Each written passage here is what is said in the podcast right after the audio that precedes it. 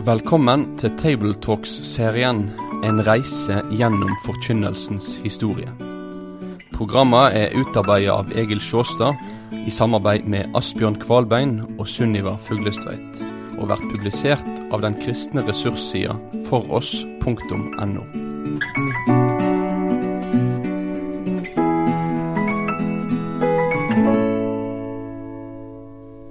Ja, velkommen til en ny episode igjen, der vi gjennomgår forkynnelsens historie. Og nå har vi operert med utredning om Oldkirka, og vi fortsetter faktisk i Oldkirken. Og eh, vi stanser litt først for bibeltekster som prekentekster i Oldkirka. For her kan vi se at det er en utvikling i tre faser fram imot Augustins tid. Eh, hvordan brukte de altså bibeltekster i forkynnelsen? Det begynte med at de trakk inn tekster som han fikk bruk for for å forkynne over det temaet han holdt fram. Apostlene har her gått foran, deres preker i apostlenes gjerninger, refererer utdrag av frelseshistorien i GT og trekker inn beviser fra GT når de proklamerer frelsen i Jesus. Meliton Alsardes i hundreåret etterpå er et eksempel på dette. Han forkynte på en høytidsdag, og så henta inn andre Mosebok 12 og andre tekster for å utfolde det han hadde på hjertet. I selve gudstjenesten kunne både lange og korte tekster bli lest, men prekenen var ikke forplikta på å utlegge noen av de tekstene. Etter hvert ble forkynnelsen i denne fasen mer og mer oppfatta som stedet for formaninger ut fra de tekstene som var lest. Proklamasjonen av Kristus, som dominerte når apostlene forkynte i synagogene, og overfor heidninger, den ble, mener mange, svekka, og synagogens måte å bruke GT på smitta over på kirka. Men så fortsatte det derfor med at de oppleste tekstene ble en slags idébank, der en skulle hente tema og inspirasjon ifra de tekstene som ble lest. Og nå ble evangelia og profetskriftene oftest utgangspunkt for etisk relevante formaninger. Justin Martyr, som levde i år 100-165 etter Kristus, han skildrer hvordan folk på søndag morgen kommer fra fjern og nær til gudstjeneste. Apostlenes erindringer og profetenes skrifter leses opp så lenge tiden tillater. Når så oppleseren er ferdig, framsettes forstanderen gjennom tale, formaning og utfordring til å etterfølge disse ord. Merk uttrykket 'etterfølge disse ord'. Da har de bibeltekstene begynt å være selve hovedkilden. Og bibelskriftene ble lest fortløpende, vi kaller det lectio continua. Du fortsetter der du slapp sist. Inndelingen i tekstenheter, lectio selecta, altså utvalg av tekster, det lå ennå langt fram i tid. Og tekstrekker var ennå ikke på tale. Og så ender det med, i denne epoken, at den oppleste teksten blir en undervisningsmodell. Forkynneren skulle utlegge den punkt for punkt, og det er dette vi kaller den homiletiske metoden. Fra nå av er altså homilien innført som en naturlig form for forkynnelse. En forklarer og aktualiserer teksten ledd for ledd. Preika blir tekstutlegging i tilnærma eksegetisk forstand, men med applikasjon, anvendelse på tilhøreren etter hvert ledd. Og tekstvalget for de ulike søndager og høytider blir mer og mer fastsatt. Så apostelens proklamasjon av Kristusbegivenheten og av episoder i Jesushistorien, den dreies ofte i retning etisk belæring og formaning. Jesu ord om å lære dem å holde måtte tas på alvor blant de mange nydøpte. Katekesen for voksne ble, i ei tid da barnedåpen slo igjennom og folkekirkeideen vant fram, belæring i sjølve gudstjenestens preken, ofte etisk. Det skal ikke forundre at forkynnelsen som proklamasjon av Gudsrikets frelsesgaver i Kristus, at det fikk mindre plass på prekestolen enn belæringen og formaningen til et kristelig liv. Men at læren om Kristus og troslæren for øvrig fortsatt ble aktualisert, det sier seg sjøl i ei tid da de dogmatiske stridigheter var skarpe og da trosbekjennelsen alltid ble brukt ved dåpsgudstjenester. Tendensen rent innholdsmessig går likevel i lovisk retning. Det må vi kanskje være ærlige å, å si når vi ser kildene her.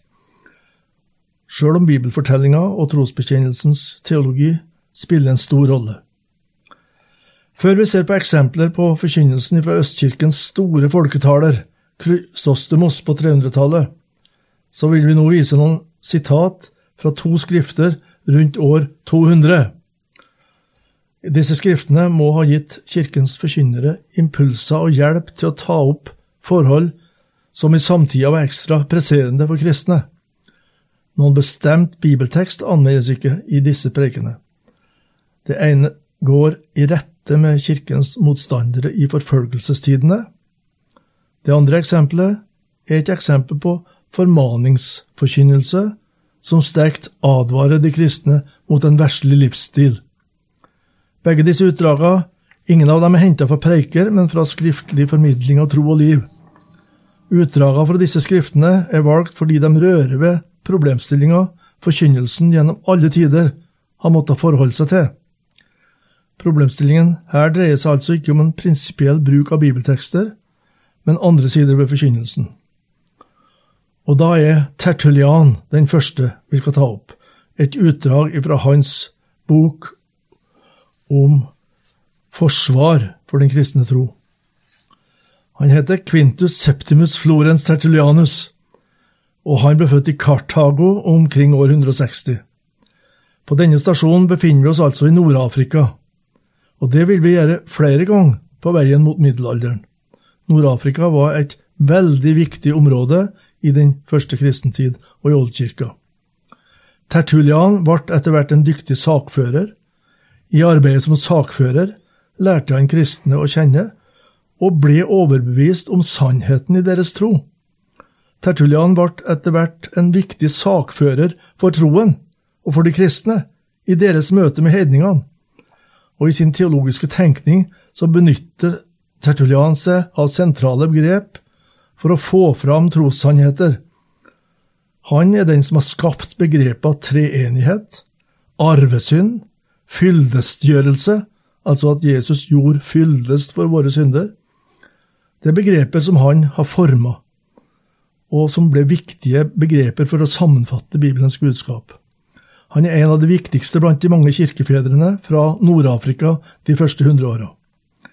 Og nå skal vi gjengi et utdrag av hans forsvarsskrift for de kristne. Adressatene er kristendommens motstandere. Skriftet avspeiler selvsagt noe av hans forkynnelse, og fikk helt sikkert betydning for andre forkynnere i deres innsats for å forsvare troen.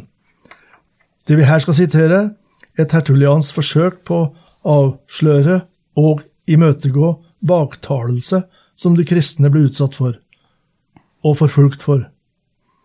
Det er ikke mulig for oss å si hvor sterkt denne apologetiske forkynnermåten prega menighetsledere rundt omkring i riket.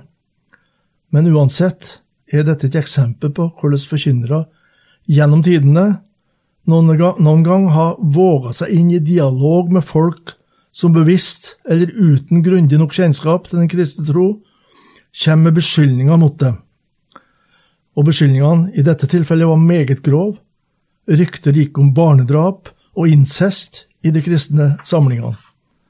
Med en offensiv holdning som preger, som frimodig påpeker selvmotsigelser i motstandernes forestillinger og tradisjoner, så har Tertulian satt seg for å skrive et myndig skrift. Han var ingen gjennomsnittsteolog. Han har dessuten tendens til å rosemale de kristne og overdrive kritikken. Det måtte kanskje til for å vekke folk men hans innflytelse i kirka ble stor, og derfor må vi anta at hans forsvarsskrift også kom til å prege forkynnere når de taler både i, til de troende på søndag formiddag og til vantro. Man påstår at vi kristne samles hemmelig, dreper småbarn og eter dem opp, og deretter driver vi den verste usedelighet. Men, mine herrer, bruk tankene deres, så vil dere forstå at det vi beskyldes for, er simpelthen umulig. Vi er omgitt av fiender på alle kanter. Jødene hater oss, soldatene vil gjerne presse penger av oss, ja, våre egne husfolk er ofte våre uvenner. Daglig beleires vi, daglig forrådes vi, titt og ofte bryter man inn i våre møter og gudstjenester. Har det noen gang hendt at våre fiender har funnet et myrdet barn? Eller har man kanskje funnet oss kristne med blod og munnen? Har noen oppdaget spor av utroskap hos sine kristne hustru? Vi vet vel at dere sier det er ikke ild uten røyk, det må være noe i det de snakker om, men dette er noe sludder. Hvis det er noe i et rykte, så må det kunne bevises ved undersøkelse. Hvis det ikke bevises, da er ryktet bare et rykte, altså jevngodt med en løgn. Det er umulig, det vi anklages for. Tenk deg selv i en kristen sted.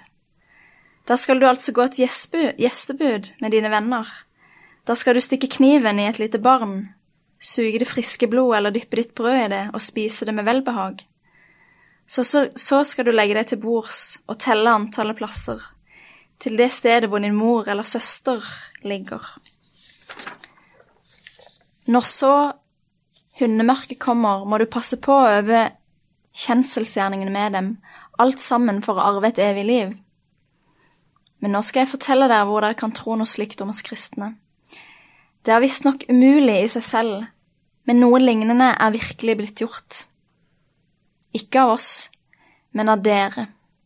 Helt fram til Tiberius' tid ble barn ofret til guden Saturn i Afrika, prestene hengte dem opp i trærne, og våre fedrelands soldater sto vakt og kan vitne om det.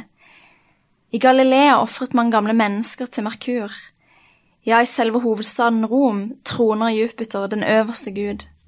Hans bilde vaskes hvert år med menneskeblod. Pytt, sier dere, det er bare blodet av en dyrekjemper som blir ofret. Ja vel, men det er likevel menneskeblod. Og Jupiter blir ikke bedre om han vaskes med blod av et ondt menneske. Vi dreper ikke barn, men dere dreper dem, som alle vet. Dere kaster de nyfødte barn i vannet eller setter dem ut så de sulter i hjel eller blir spist av hundene. For oss er mord forbudt. Vi dreper ikke engang barnet før dets fødsel. Men hva gjør dere? Ja, det er tøft og offensivt, det Tertulian skriver. Og det består altså ikke bare i å oppklare misforståelser og påvise urimeligheter i kritikken mot de kristne. Han går offensivt til verks mot hedningenes livsførsel, deres religiøse tradisjoner, inkonsekvenser og moralske forfall. Takk for at du har vært med på denne reisa gjennom forkynnelsens historie. Vil du lese mer om temaet?